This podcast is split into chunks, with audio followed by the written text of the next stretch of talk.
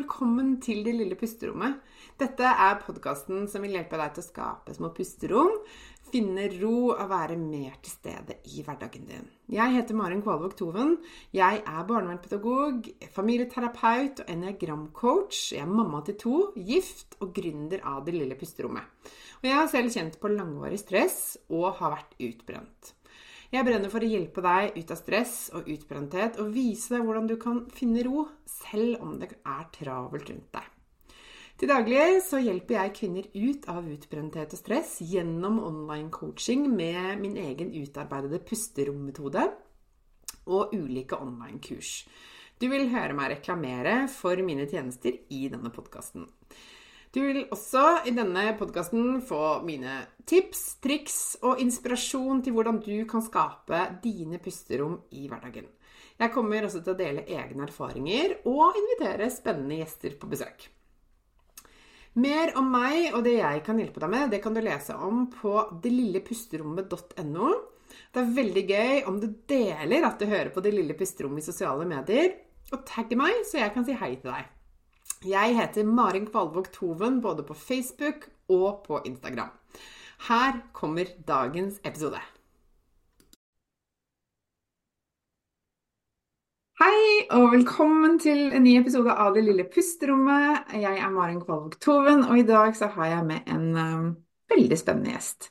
Denne damen hun oppdaget jeg eh, da jeg var utbrent i 2019 og lette etter svar. Jeg liksom saumfarte podkastuniverset, og da dukket Iselin Larsen opp som en av de som snakker om det å være kvinne, og hvordan vi som kvinner kan leve mer i takt med oss selv og med hvordan vi er skapt, og ikke minst med syklusen vår. og det gjorde meg bare superfascinert og gjorde at jeg begynte å lete enda mer etter enda mer svar og, enda, og fant eh, ut mye som jeg både kunne bruke i mitt eget liv, men også når jeg hjelper andre kvinner.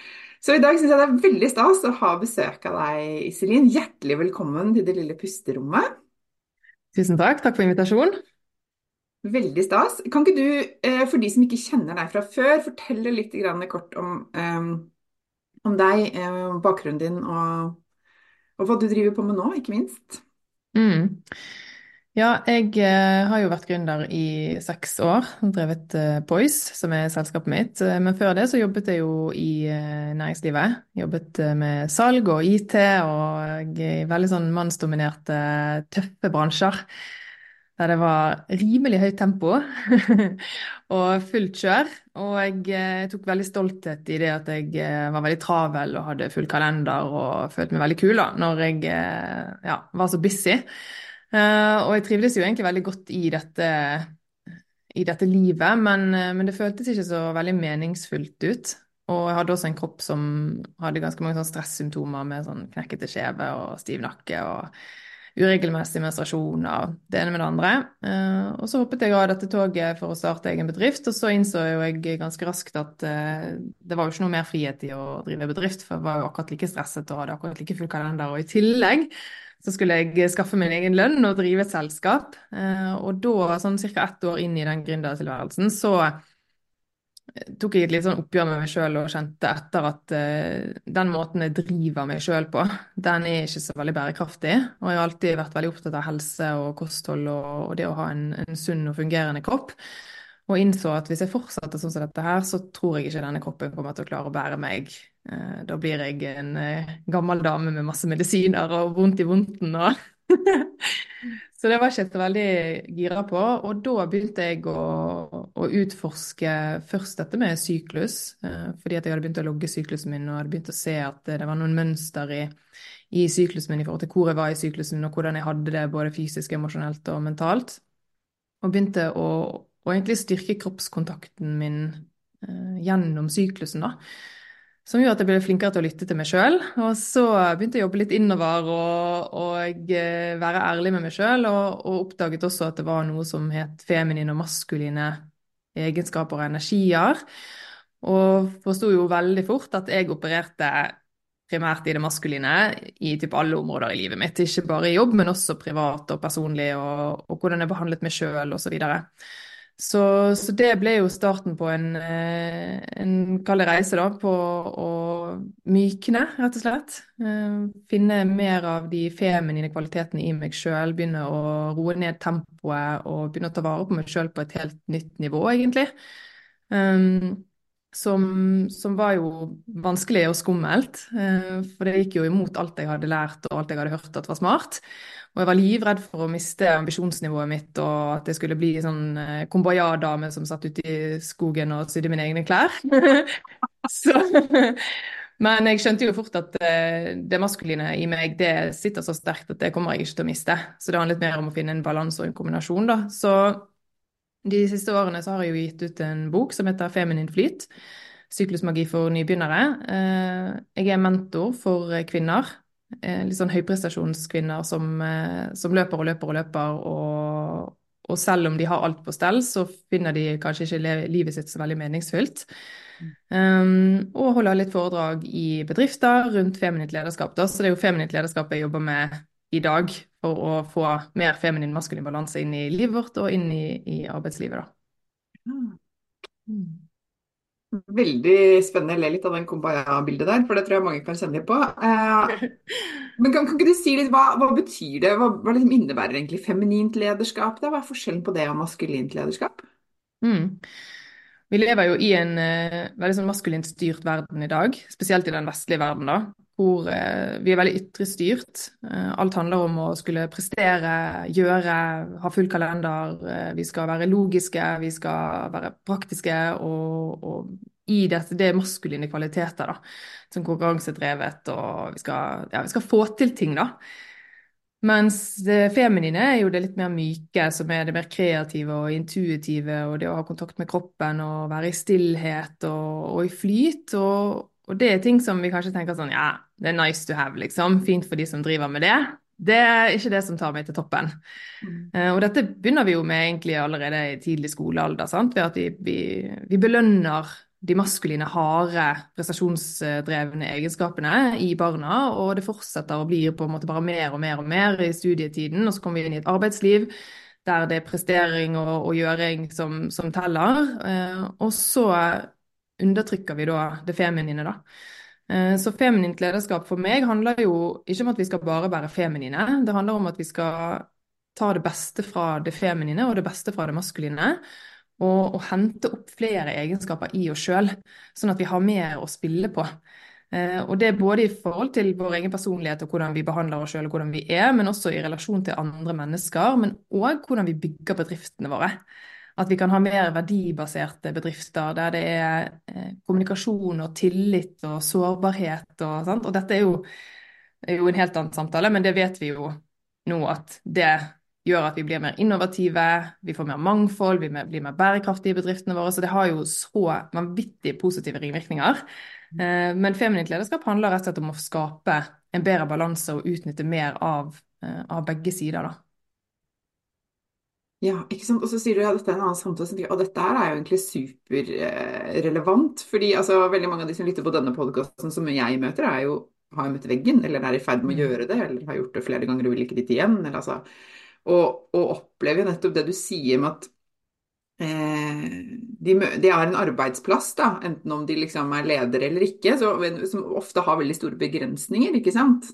Mm. Og som gjør at de ikke nødvendigvis kan eh, være seg selv eller bruke seg selv på en måte som er bærekraftig for dem. da. Ja, og det har jeg tenkt på så mange ganger i forhold til når jeg sjøl jobbet i næringslivet, at jeg ble jo fortalt hvordan jeg skulle gjøre ting, og hvordan man skulle være. Man kommer inn i et miljø der det er satte verdier og standarder for hvordan man skal oppføre seg, og, og hvilke ord man skal bruke, og hvilke kvaliteter man, eh, man skal bruke. Og så legger man jo lokk på da, ganske store deler av seg sjøl. Og da legger man jo også lokk på potensialet vårt. Sant? Vi legger jo virkelig lokk på den, liksom det å utnytte hvert enkelt menneske. Og det er veldig synd, fordi da får vi jo heller ikke ut potensialet i bedriftene våre. Vi får ikke utnyttet innovasjonen. sant? Og når folk blir presset inn i en boks, så blir det ikke så veldig meningsfylt å være på jobb. Fordi at vi får ikke lov til å være oss sjøl. Og det gjør jo at veldig mange kjenner at det, det er ikke meningsfylt. Jeg tror det det var en sånn State of the Global Workplace-rapport for 2023, og jeg lurer på om det var noe sånn som 13% på verdensbasis som føler at jobben er meningsfull. Og vi vet jo også at eh, rundt halvparten av eh, norske medarbeidere kjenner på høyt stressnivå eh, daglig. Og jeg tror statistikken er rundt lik på de som kjenner på sånn utbrenthet-tendenser, om man ikke er enda høyere.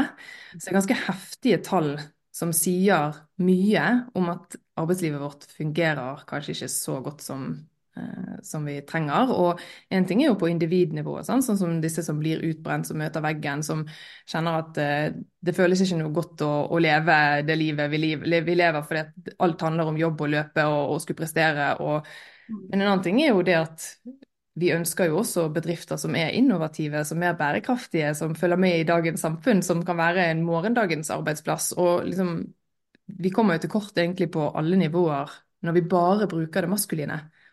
Og det er derfor jeg føler at, eller vet og føler at dette med det feminine og feminint lederskap kan være med på å hjelpe både enkeltmennesket, men også hele næringslivet, da. Eh, hvis vi klarer å, å skape en bedre balanse. Mm. Når, du, når, tror du dette skjedde, at man liksom mistet det feminine? Altså, har det alltid vært sånn? Mm. Nei, det har jo ikke alltid vært sånn, og nå er ikke jeg en historiker, men, eh, men jeg tror jo at eh, eh, vi hadde jo likestillingskampen for noen tiår siden, og, og, den har vært fantastisk. Altså, ingenting imot den. Men i utgangspunktet så, eh, i hvert fall det som jeg har hørt, er at eh, vi kjempet for seks timers arbeidsdager. Eh, for at kvinner skulle komme inn på arbeidsmarkedet, men også ha muligheten til å kombinere dette med livet. Sant? Det å være eh, en familie. Eh, men så fikk vi ikke seks timers arbeidsdager, men vi fikk komme inn på arbeidsmarkedet. Og det er jo også et arbeidsliv som er bygget av menn, og også for menn, fordi det var menn som dominerte dette spacet i, i veldig, veldig mange år. Og, og, så har vi kommet inn der, og så har kvinner da tenkt at å ja, hvis jeg skal lykkes her, så må jeg bare gjøre det som alle de andre har gjort. sant? Og så går man så hardt inn i det at nå er det jo nesten sånn at jeg føler at det har gått litt for langt. For vi vil jo ha eh, likestilling fordi at vi ønsker like muligheter. Vi vil jo ikke være like. Det er jo ikke mangfold at vi skal være like. At alle skal være maskuline, eller at vi alle skal snakke det samme språket, eller vi alle skal være harde og konkurransedrevne og logiske og prestasjonsbaserte. Sant? Vi vil jo ha mer av det andre også, av det feminine. Så jeg tror jo at eh, Kanskje spesielt i den vestlige verden hvor likestillingen har kommet veldig langt, så har dette gått også veldig langt i forhold til at vi har veldig mye maskulinitet. Da. Og det maskuline er jo helt fantastisk. Altså, jeg elsker virkelig mine maskuline sider. Jeg hadde ikke klart å bygge bedriften min hvis jeg ikke hadde hatt mine maskuline sider. Det hadde ikke skjedd en skit i mitt liv hvis jeg ikke hadde hatt det. Men det er jo den kombinasjonen. Det at man også trenger det myke, det sårbare, det kommunikative, det samarbeidsvillige. Alle disse myke kvalitetene for at vi skal føler at vi virkelig får lov til å bruke hele oss, og at vi får mest ut av både enkeltmennesket og bedriften bedriftene våre. da. Mm. Ja, og altså, Lytterne ser jo ikke det, men jeg nikker som bare det. fordi at, og Dette her har jeg sagt flere ganger og tenkt at det er litt en brannfakkel noen ganger, men den likestillingen har en slagside da, som vi er nødt til å mm. være litt, som vi må snakke mer om, tenker jeg. fordi at det funker jo ikke. ikke sant? Og Eh, og akkurat sånn som du sier, vi er jo ikke like. Det er ikke meningen at vi skal være like. Så vi må slutte å, å oppføre oss som om det er, det er, målet, tenker jeg da. For det er ja. ikke bra for noen av oss, ikke sant? Nei, og det blir jo veldig lite representasjon, sant. Eh, og sånn som jeg kommer jo fra IT-bransje og salgsbransje, som er veldig mannsdominert. Og, og, jeg oppførte meg jo som menn flest, og jeg kledde meg veldig maskulint. Og jeg hadde et maskulint språk, og jeg hadde en fremtoning som var maskulin, og jeg var, hadde selvtillit, og jeg liksom kjørte på. Og det ligger jo som en del av min personlighet, så det kommer jo veldig naturlig for meg, og jeg syns at det var veldig gøy. Men det gjør jo at veldig mange av de som står rundt, da, som, og både kvinner og menn, tenker jeg For det, feminin maskulin er jo kjønnsløs. Det handler ikke om kjønn, det handler om egenskapene som både kvinner og menn har i seg. Men det som skjer da, er at veldig få klarer å se seg sjøl i tech som leder. Sant? I høyere stillinger, i mannsdominerte bransjer. Og det er jo egentlig det samme andre veien også, sant? der det er bare damer og bare feminint. Så kanskje det er veldig mange som ikke ser at åh, der passer ikke jeg inn. Så jeg tror jo det at hvis vi kan få utnyttet mer av begge sidene av oss sjøl som mennesker, så så vil vi få mer representasjon som gjør at flere vil kunne se at å ja, kanskje jeg også kan være i den bransjen, eller kanskje jeg også kan bli leder.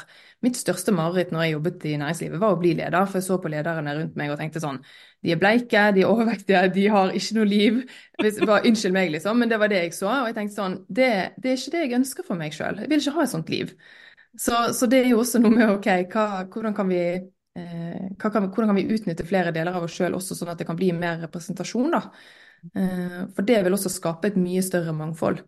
Og vi vet jo også at mangfold er bra for innovasjonen i, i bedriftene og trivsel i bedriftene. Så det er jo bare, alt dette her bare spinner jo rundt og blir positivt for alle nivåer. Ja, ikke sant. Og så kan vi jo heller ikke komme unna at vi fysisk er altså, vi er fysiologisk annerledes bygd, ikke sant? Eh, kvinner og menn, og vi har ulike behov og ulike eh, energisvingninger og syklus, som jo også må tas med i dette regnestykket. Det vet jeg du er mm. opptatt av. Ja, og det også er jo en sånn, det å faktisk feire disse forskjellene. Sant? Både de biologiske og fysiologiske, men også liksom de emosjonelle forskjellene og, og, personlighetsforskjeller og alle forskjeller. For det er jo egentlig forskjellene i oss som gjør at vi har våre styrker. Ikke sant? For hvis alle var like, så hadde jo det ikke vært noen styrker eller eh, svakheter, egentlig. Og en kvinnesyklus er jo i gjennomsnitt 28 dager. Så det betyr at gjennom 28 dager, nesten en hel måned, så har kvinner store svingninger i sin menstruasjonssyklus, som vi kan dele i fire faser, der det går opp og ned og bort og frem, og det er emosjonelle svingninger, fysiske svingninger, eh, mentale svingninger. Det er så mye som skjer i kroppen vår. Mens en mann har jo Og nå snakker vi om de eh, altså de hormonene som går for eh, altså, Hva heter det? Eh, jeg er jo ikke helsepersonell, så akkurat hormoner, der blir jeg litt sånn surrer litt. Men i forhold til menn, da, så, så har jo de en 24 timers syklus uh, på disse hormonene. Og, og, det gjør at, og det betyr ikke at menn er lik hver dag. Altså Menn har også svingninger gjennom måneden, det er ikke det jeg sier. Men i forhold til testosteron og de hormonene som, som dette går på, så har de en 24 timers syklus, så de er lik, mer lik hver dag. da. Og det gjør jo at, at en kvinne og en mann i samme type arbeidsliv det blir ganske krasj, da. Og når også arbeidslivet er bygget etter egentlig mannens syklus, eh, hvor vi skal være ganske like hver dag Det er jo ikke sånn at det er tatt hensyn for at nei, nå har du tre dager der du kan liksom ta det litt mer med ro, eller Og det er sånn hæ? Nei. Vi skal være på hver dag, vi skal prestere hver dag, vi skal ha energi, vi skal ha fokus, og vi skal bare gønne på, sant. Så, så det at vi kan også se det at vi har store forskjeller, og at det kan bli tatt hensyn til. Og det tror jeg kanskje at covid har vært med på å eh, gjøre litt for oss, fordi vi innså at det finnes faktisk flere måter å jobbe på enn å komme til kontoret klokken åtte hver morgen og sitte der til klokken fire hver dag. Eh, kan være med på å, å, skape et litt nytt arbeidsliv. Men så har vi jo også de nye generasjonene, spesielt sånn generasjon Z og millennials, de, de skal ha frihet de, de gidder ikke å sitte på kontoret i åtte timer hver dag. Så, så det kommer jo altså, bare Én ting er at vi er forskjellige, men det kommer også nye generasjoner nå som, som, krever noe helt annet. Pluss at vi har de som allerede sitter i arbeidslivet, som vi vet som vi snakket om i sted, at de er utbrent, de er stresset, de har ikke meningsfulle jobber. Det er ganske mange røde varsellamper her som, eh, som bør tas eh, hensyn til. da. Ikke sant. Ja, og du, du sa jo litt sånn innledningsvis dette med eh, og jeg tenkte på det selv, altså min egen historie i forhold til syklus og sånne ting, så er jo stress og syklus utrolig viktig å være bevisst på hvordan stress kan påvirke syklusen vår. Altså jeg, da jeg var utbrent, så hadde jeg en syklus på sånn 50-60 dager. Den gikk åt skogen hver eneste måned. Det var helt krise. Jeg hadde alle tegn på overgangsalder ennå jeg absolutt ikke var der. Jeg var 40 år. ikke sant? Jeg var Eh, og jeg var ikke til å leve med mange dager i måneden. Jeg hadde kjempesmerter, store plager. ikke sant? Og så eh, er jeg da et eksempel på hva som skjer når man, når man eh, begynner å leve i takt med seg selv og faktisk uh, redusere stress. da. Nå har jeg knapt noen smerter og plager og er på klokka 30 dager ikke sant? Og, og merker nesten ikke når jeg skal ha mensen engang. Jeg sier til mannen min, og han bare Nei, du har vært egentlig ganske blid for noe. Altså, det har ikke vært den der som jeg kunne gjøre før. Altså, det er bare ett eksempel på hva som kan skje når vi begynner å spille på lag med kroppen vår. ikke sant? Altså, hvordan stress eh, og press da, og ytrestyrt leve opp til forventning faktisk kan biologisk forandre oss og sånn, gjøre så mye med hormonene våre. da. Mm. Og ja. vår evne til å, ja, til å bli gravid, ble det, ikke sant? Altså sånne type ting. da. Mm. Vi har jo en sånn eh, pyramide i kroppen eh, i forhold til hormonene våre, hvor eh, kjønnshormoner, det var det ordet jeg ikke klarte å komme på i sted. Ja. Kjønnshormoner. Okay, ja. Nei, det bare sto litt stille. hvor kroppen vil jo ti av ti ganger velge å produsere stresshormoner før den produserer kjønnshormoner. Ja. Ti av ti ganger. Ja. Det er jo overlevelsesinstinktet vårt. Og når vi har så mye stress i den eh, moderne verden som vi har, og det er jo ikke det Stress trenger ikke være at du må liksom ha dårlig tid eller løpe til bussen.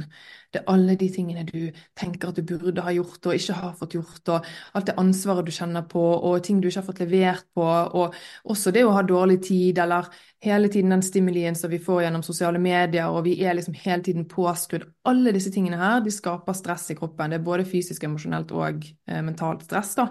Og det er jo ikke det fysiske stresset som gjør at vi blir utbrent. Folk ble jo ikke utbrent når de var ute på åkeren og gravde for 50 år siden, liksom. Det er jo det mentale og emosjonelle stresset som knekker oss. Så, så, det er jo eh, Summen av dette her gjør jo at vi får så mye stress i kroppen at kjønnshormonene våre blir nedprioritert. Og da får vi uregelmessige sykluser. Eh, veldig mange har jo kjempeutfordringer med å bli gravid. Eh, det handler jo for veldig mange om stress. sant? Eh, vi har jo alle hørt om de som prøvde å få barn eller bli gravid i, i seks år, og så ga de opp, og så ble de gravid med en gang. sant? Det er jo en grunn til det, for da slutter man å stresse. Man gir opp. Man surrender, liksom. Um, og uh, også sånn kraftige menstruasjonsplager, uh, masse PMS. Sant? Alle disse syklusrelaterte utfordringene de har blitt så vanlige nå at vi tenker at det er normalt. Men at noe er vanlig, betyr ikke at det er normalt. Sant? Det er ikke sånn det skal være. Uh, og, og, da er jo dette her med, som jeg i hvert fall har funnet ut, at det å koble seg på kroppen sin og begynne å få kontakt med syklusen sin igjen, det styrker jo også kroppskontakten, som gjør at vi begynner å lytte mer til hvordan vi egentlig har det.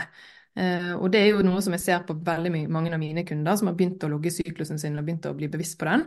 De får mer regelmessige sykluser, de får mindre plager. Og det handler rett og slett om at når vi gjør denne jobben, så får vi mindre stress i kroppen, for vi begynner å ta mer hensyn til oss sjøl. Og så blir det bare en sånn positiv bivirkning av det, da. Ikke sant. Og når du forteller noe, så sitter jeg og tenker på hva vi, hva vi lærte, og altså, i hvert fall hva jeg lærte da, da jeg var ungdom ikke sant? Og, og skulle bli voksen og lære om liksom, okay, hvordan fungerer dette her. Det var jo mer sånn Sånn er det å være kvinne! Stå i det! Mm. Det er hardt, og det er tøft, og det er grusomt. Sånn er det bare. Lykke til, liksom. Det var på en måte litt det vi lærte, da. Dette er forferdelig tøft ikke sant? å få. Ha mensen er en mareritt, og ja, da da er du ute og kjører hormonelt, eller da Det var liksom bare OK, sånn var det. Og når jeg tenker på det nå, så tenker jeg at det er jo egentlig en veldig sånn maskulin eh, måte å møte det på, da. I forhold til sånn, Mm. sånn er det. Ta, bit tenna sammen, stå i det, ta noen piller, ut og jobb. Altså det var veldig sånn, da, ikke sant? Mm. Eh, og det står veldig i kontrast til det du snakker om nå. Og jeg tenker at dette er jo en potensiell revolusjon for den oppvoksende generasjon, er det ikke det? Jo, altså, jeg ser jo bare sånn Nå er det jo kanskje fem år siden jeg begynte å snakke om dette med syklus, og da var folk sånn Hva snakker du om? Jeg skjønner ingenting. sant? De fleste var bare sånn Jeg vet at jeg har mensen, jeg vet at det er noe som heter eggløsning, det får vi kanskje et forhold til når vi begynner å ha lyst på barn. Alt annet er bare sånn Nei, og det er bare negativt, sant. Mens nå, fem år seinere, er det jo sant, mange som har publisert bøker om sykluser. Det er masse folk som snakker om det. Sats har sånn tren i takt med syklusen din, reklame på T-banen, og det er liksom overalt, da. Og det gjør jo at flere og flere begynner å få kontakt med eh, kroppen sin på et helt nytt nivå. Og det er jo utelukkende positivt for oss. For én ting er jo å få kontakt med kroppen, men jeg oppdaget jo også at det å eh, begynne å vende fokus innover og få kontakt med syklusen min, tok meg også lenger inn i det feminine. For det feminine er jo det med intuisjon og magefølelse og det å, å, ha tillit og det å roe ned og være mer i stillhet og alle disse litt mykere eh, egenskapene er jo også i det feminine. og det kom også som en sånn byproduct nesten da, av, av det å, å, få kontakt med syklusen. Eh, som har vært helt fantastisk. Eh, å få, få, mer kontakt med mine myke sider. fordi at jeg trodde jo ikke at jeg hadde det i meg engang. Men jeg innser jo nå at jeg har jo mange av de feminine sidene, men jeg har bare ikke brukt de. sant? Jeg har lagt lokk på de, jeg har ikke vært vant til å bruke de, jeg har, har følt at de var skumle. sant? Det å være sårbar, for eksempel, det har vært helt sånn Vil heller gå og liksom hoppe i et basseng enn å, å, å, være sårbar, liksom. Bare sånn, Det er uaktuelt. Så det å begynne å, å utforske nye sider av meg sjøl har jo gjort at jeg har jeg får ut så mye mer av den jeg er, da. Jeg føler meg mye mer som meg i dag enn jeg gjorde for seks år siden, når jeg jobbet i IT-bransjen. Da var jeg jo halvparten av meg, men også veldig opptatt av hva andre mente at jeg burde gjøre. Sant? Det var veldig ytre styrt. Åh, se på alle andre og høre hva andre sier, og måtte alltid liksom få noe bekreftet hvis, før jeg tok en beslutning. og sant? Var veldig opptatt av alt det som skjedde utenfor meg sjøl. Og når vi er så opptatt av det som skjer utenfor oss sjøl, så blir også livet lite meningsfullt. Sant? Det vet du sikkert mye om. Absolutt, og jeg har veldig mange som kommer til meg som er nettopp i den kategorien som er sånn Ja, eh, jeg har fått jobben, jeg har fått mann og barna, huset, jeg har alt. Men jeg kjenner ikke på glede, jeg har mistet mening. Hvor er egentlig mening? Hva er det egentlig jeg vil med livet mitt? Ja. Eller kanskje og nå har barna flytta ut, hva, hvem er jeg? Hva? Hvor er jeg hen oppi alt dette her? Vi Mm. blir ofte litt borte da, i vårt eget liv når vi lever på den måten, ikke sant? Ja. Ja, dette kjenner jeg så igjen fra mine kunder også. For det er akkurat de damene som kommer til meg i mentorgruppene mine. Eh, og det er masse skam rundt det også. Sant? Det er sånn, her sitter jeg liksom i Norges rikeste land, har alt på stell, og føler meg så lite bra. Ja. Det er en forferdelig følelse.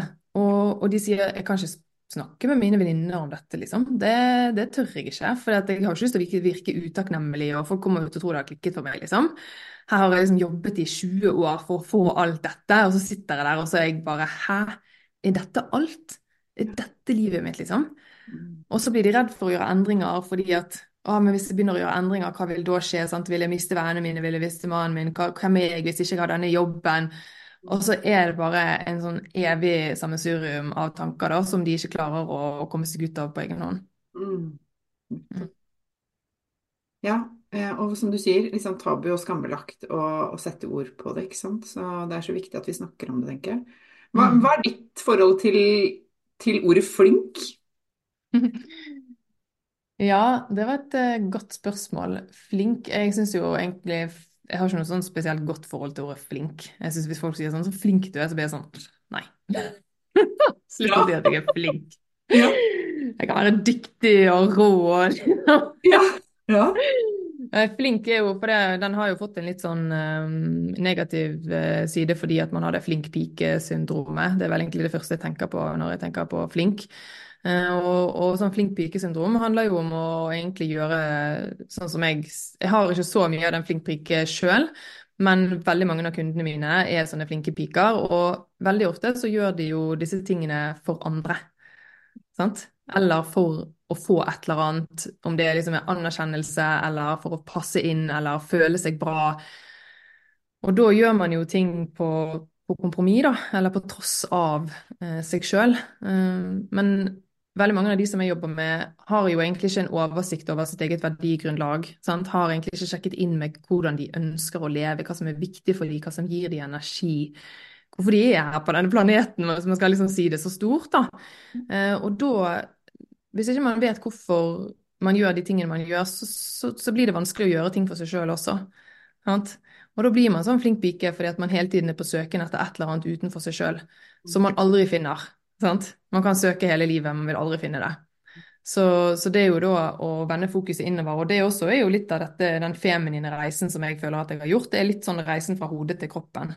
Sant? Fra det ytre til det indre. Og det jeg ser er at når vi begynner å jobbe med det feminine og det indre, så styrker man også selvfølelsen sin, man blir bevisst på verdiene sine, man begynner å få oversikt over hvem er jeg, hva er viktig for meg, hvordan, hvilket liv er det jeg egentlig ønsker å leve? Hvordan har jeg lyst til å ha det? Hva er det som er viktig for meg? Og da kan man jo virkelig begynne å liksom branche ut, da.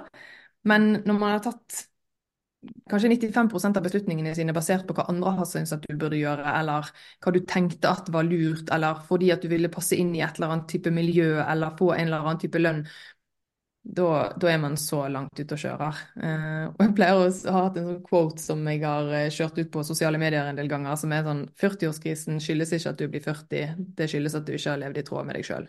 Ja, amen. Ja. Ja, og jeg har, jeg har hatt noe tilsvarende, holdt jeg uten at det kommer fra deg, men, det, men jeg sier jo mye av det samme her igjen. Jeg er så enig med deg, og det er jo fordi at, og det opplever jeg òg, de som kommer til meg som er sånn rundt 40, da. De er ofte sånn lei. De er liksom forsynt. Jeg, jeg vil Mm. ikke ha det sånn, jeg aner ikke hva jeg skulle gjøre annerledes. Men dette funker ikke for meg, liksom. Og det kommer bare til sånn metningspunkt, tror jeg. Ja. Ja. På en måte bare kroppen sier fra for deg bare, Det var det som skjedde med meg. òg. Jeg ble, jeg ble sykemeldt to måneder etter jeg fylte 40. Det er sånn kjempeklisjé. Men det er liksom Mm. sånn bang! Nå er det nok. Nå må du bare stoppe. Mm. Ja, det er litt Det er- sånn eh, point of no return, eh, opplever i hvert fall jeg eh, at de som jeg jobber med, har kommet til. da. Men også det som du sier med at de vet at noe må endres. De aner ikke hva, og de aner ikke hvor de skal starte. Ja. Det er bare sånn Hjelp! Sant? Så, så det tror jeg også veldig mange kjenner på. At, og det er ganske frustrerende da, å sitte der og kjenne på alle disse følelsene, og så aner du ikke hvor du skal begynne. For alle vet jo at ah, du må spise sunt, og du må meditere, og du må ditt og datt, og du må praktisere self-care, og, og så blir man sånn ja, men jeg, jeg skjønner ikke liksom bare Hvor skal jeg starte? Det føles ikke noe godt når jeg setter meg ned og hviler, liksom. Jeg får bare sinnssykt dårlig samvittighet. sant? Eh, føler meg ikke noe bra når jeg tar meg en pause, og når jeg skal sette meg ned og meditere, så kribler det i hele kroppen, og tankene går i tusen veier, liksom. Og da er det sånn, da hjelper ikke alle disse smarte, velmente rådene, da. Eh, det, det har liksom ikke noe for seg hvis ikke man vet faktisk hvorfor man gjør det, da.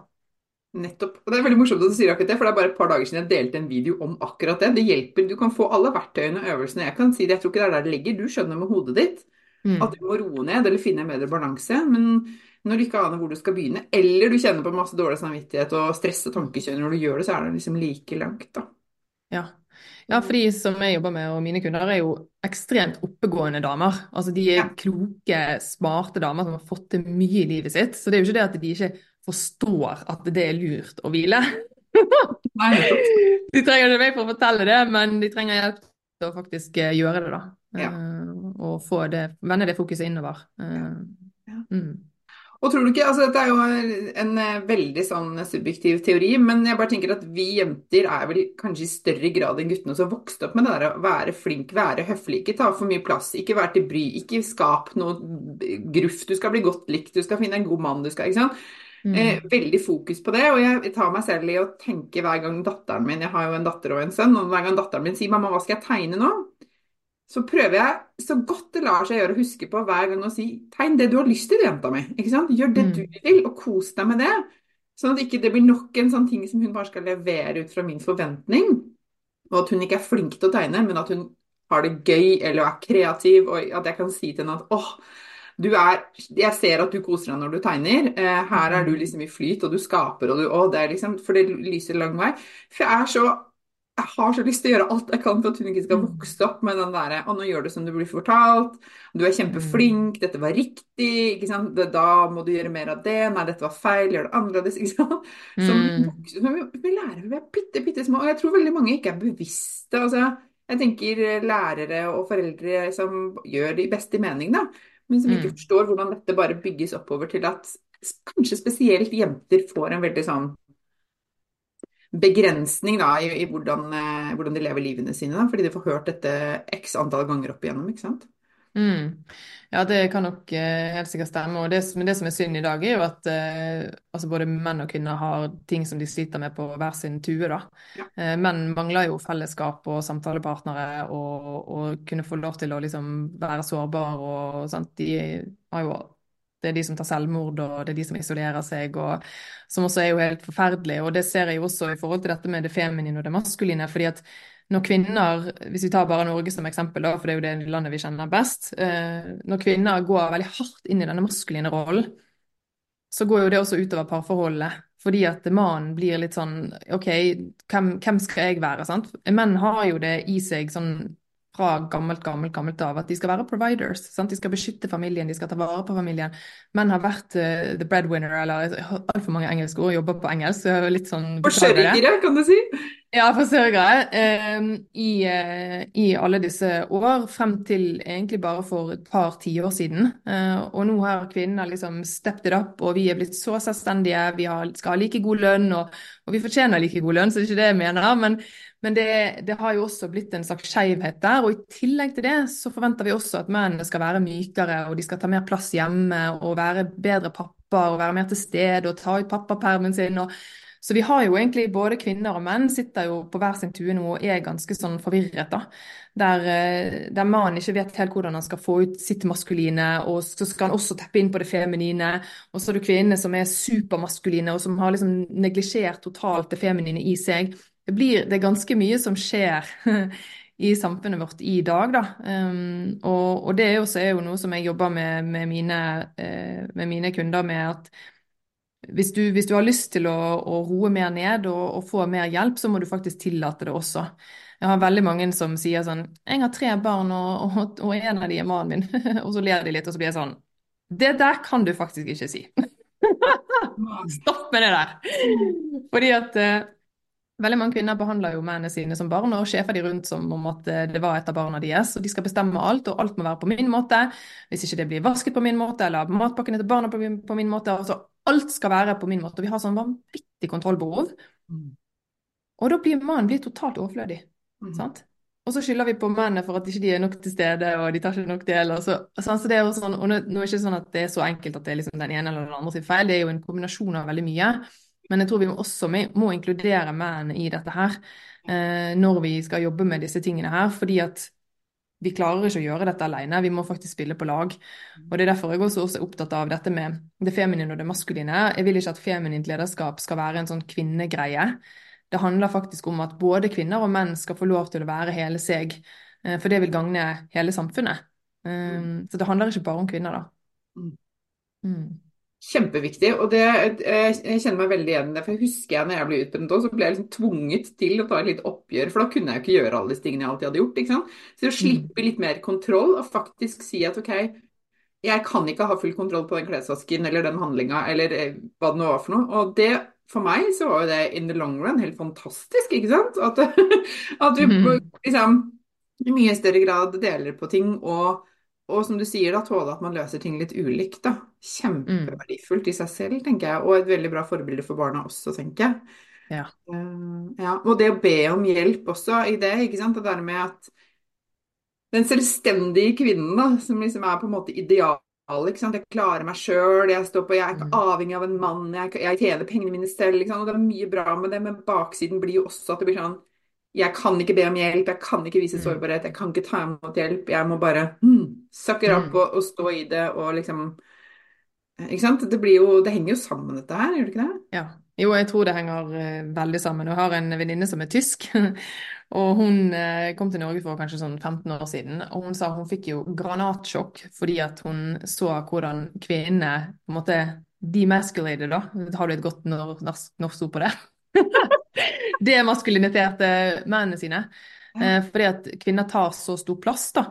Eh, og det er litt sånn baksiden av medaljen, kanskje, på dette med liksom likestillingen. Og som jeg er super Altså, jeg er jo så enormt takknemlig for den likestillingskampen. Det har vært helt fantastisk for oss.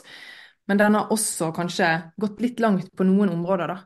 Eh, for at vi i det hele tatt skal liksom klare å fungere sammen som et samfunn. For at, ja, vi skal være selvstendige, vi skal ha muligheten til å ta vare på oss sjøl, men vi er jo også mennesker som er flokkdyr. Som er, har behov for hverandre.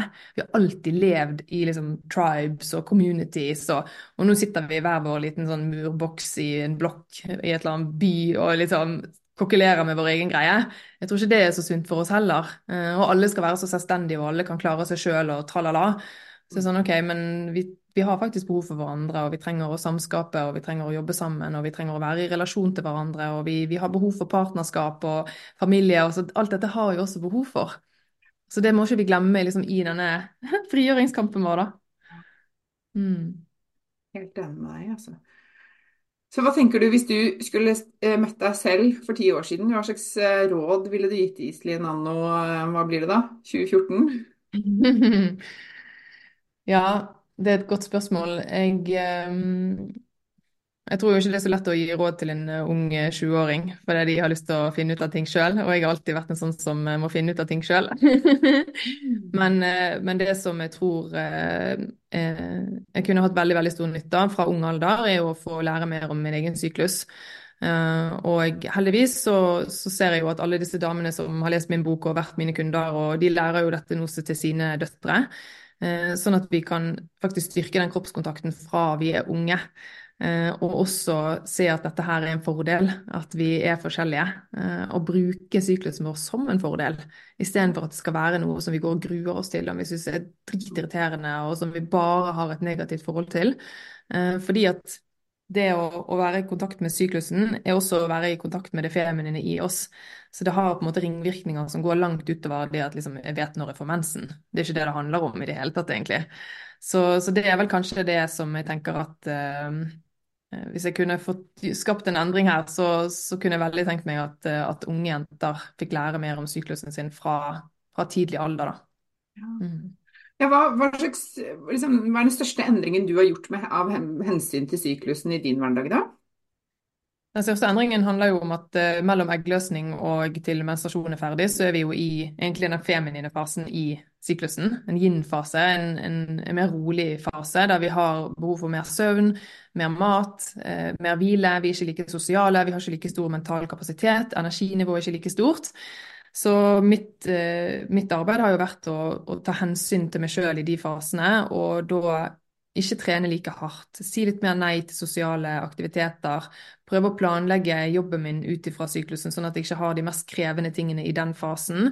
Eh, men også det å faktisk jobbe litt kortere dager. Sant? Nå har jo jeg muligheten til å styre min egen hverdag, men man kan jo ta hjemmekontor hvis man har muligheten til det. Man kan liksom flekse og, og gjøre mange tiltak, sånn at i den fasen når kroppen trenger mer hvile, så gir jeg den kroppen litt mer hvile. Og det har sånn vanvittig positive utslag på både hormonbalansen og hele syklusen. sant?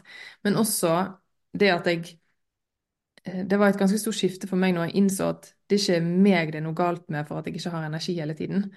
Det er hormonene mine som svinger, og det er helt naturlig, og det gjør det for alle kvinner. Da følte jeg meg ikke så dårlig, for jeg har brukt veldig mye tid på å være sint på kroppen min for at han ikke var på topp hver eneste dag. For jeg hadde en forventning om det, fordi det er en forventning fra samfunnet. Fordi vi lever i en veldig lineær verden der alt skal være likt hver eneste dag. Ikke, vi tar ikke noe hensyn til sesongene eller til faser. Noe, alt skal bare være likt hver eneste dag. Kjør på. Så når jeg jo innså da at å ja, ok, det er, ikke, det er ikke meg det er noe galt med, det er ikke fordi jeg ikke har drukket nok grønn juice eller trent hardt nok eller altså det, det handler faktisk om syklusen min. Da fikk jeg en større tillatelse i meg sjøl til å faktisk roe ned. Mm. Um, så det var et ganske stort skifte for meg. Mm. Og bare det i seg selv tror jeg kan være sånn aha for veldig mange da, som ikke er klar over det eller ikke har sjekket det ut. Og jeg merker det jo så godt etter jeg ble oppmerksom på det, så er det akkurat som om bare kokongen min bare liksom tetnes igjen. At jeg bare lyst til å trekke meg inn i meg selv. Ja. Særlig liksom de siste dagene der, før jeg skal ha mensen og sånn. Så bare sånn Jeg kan kjenne det fysisk. Og så tenker jeg litt sånn på alle de gangene hvor jeg har liksom blitt så sinna og vært så frustrert i de fasene der. Det er fordi jeg har skjønt at jeg har jo ikke skjønt at jeg trenger, jeg trenger å bare være litt. Leave ja. me alone. Det er egentlig det gir meg litt space, liksom. Ja. Som jeg tenker, jo... Bare det reddet mange ekteskap, holdt jeg på å si. Eller mange fra PMS-helvete, da. Ikke sant? Ja. Vi er jo veldig sånn uh, skrudd sammen til å tenke at for å få mer, så må vi gjøre mer. Sant? For å få mer energi så må jeg gjøre mer riktige ting. Sant? For å få mer så må jeg gjøre mer. Mens veldig ofte så handler det om å gjøre mindre for å få mer. Ja. Og der er jo liksom Hvis man klarer å innse det, og da handler det om kanskje sånn ta seg en pause når man er sliten på jobben for å komme tilbake igjen og ha mer energi. sant? Ikke drikke den kappen med kaffe for å få liksom sånn koffeinkick. sånne, sånne, små ting i hverdagen. Eh, at man faktisk, ved å gjøre litt mindre, så vil man få påfyll. Det er viktig. Mm. Kjempeviktig. Veldig, veldig kloke ord. Eh, og med det så har jeg lyst til å takke deg for at du var gjest her i det lille pusterommet, Iselin. Veldig, veldig spennende. Jeg kunne snakket med deg i flere timer, kjenner jeg. Eh, mm. Hvis noen sitter nå og tenker sånn OK, dette, nå var det mye nytt, nå satte i gang mange prosesser i hodet mitt. Hvor, hvor, hvordan griper jeg dette an? Hvor, hvor, starter jeg? Hva er ditt beste tips da? Um, hvis jeg kan få lov å promotere boken min, så vil jeg jo faktisk si at start med boken. fordi det er syklusmagi for nybegynnere. Så det er for deg som bare ikke veldig mange som har lest den som kan masse også, men den er laget på en måte som gjør at du får en introduksjon til det å leve i takt med din egen syklus. Hvis man ikke har menstruasjon, hvis man er kommet i overgangsalderen eller ammer eller av andre grunner ikke har menstruasjon, så kan man følge månedssyklus. Det lærer man i den boken. Du får en introduksjon til det feminine og de maskuline energiene. Eh, for rett og slett bare få, eh, få litt inn dette her i ryggmargen, da. Eh, så jeg ville absolutt startet der, faktisk. Fordi at ja, og den finnes både på lydbok og i papirformat. Er en ganske liten investering for å få ganske mye tilbake, da. Anbefales. Feminin flyt, ikke sant? Feminin flyt, ja. ja. Helt riktig. Tusen takk skal du ha, Iselin. Jeg tror Vi legger noen linker til deg under uh, denne episoden, så de, kan, de, som vil kan komme i kontakt med deg ikke sant? på sosiale mm. medier eller sånn. Og så har jeg bare lyst til å si tusen takk for at du formidler dette her på vegne av oss alle sammen. og på vegne av en oppvoksende generasjon så heier jeg veldig på det. Uh, veldig spennende å følge deg videre framover, så tusen takk skal du ha. Mm, takk for meg, det var veldig hyggelig. Ja, og takk til alle dere som har lyttet på i dag. Ha det! Dette var dagens episode. Jeg håper du likte den. Og hvis du gjorde det, så del gjerne i sosiale medier og tagg meg med Mari, at Maren Kvalvåg Toven, så kan jeg si hei til deg. Jeg blir så glad for sånne meldinger. Og følg meg gjerne også på Facebook og på Instagram. Du finner meg som Maren Kvalvåg Toven begge steder. Jeg ønsker deg en fin dag videre, og så snakkes vi igjen snart.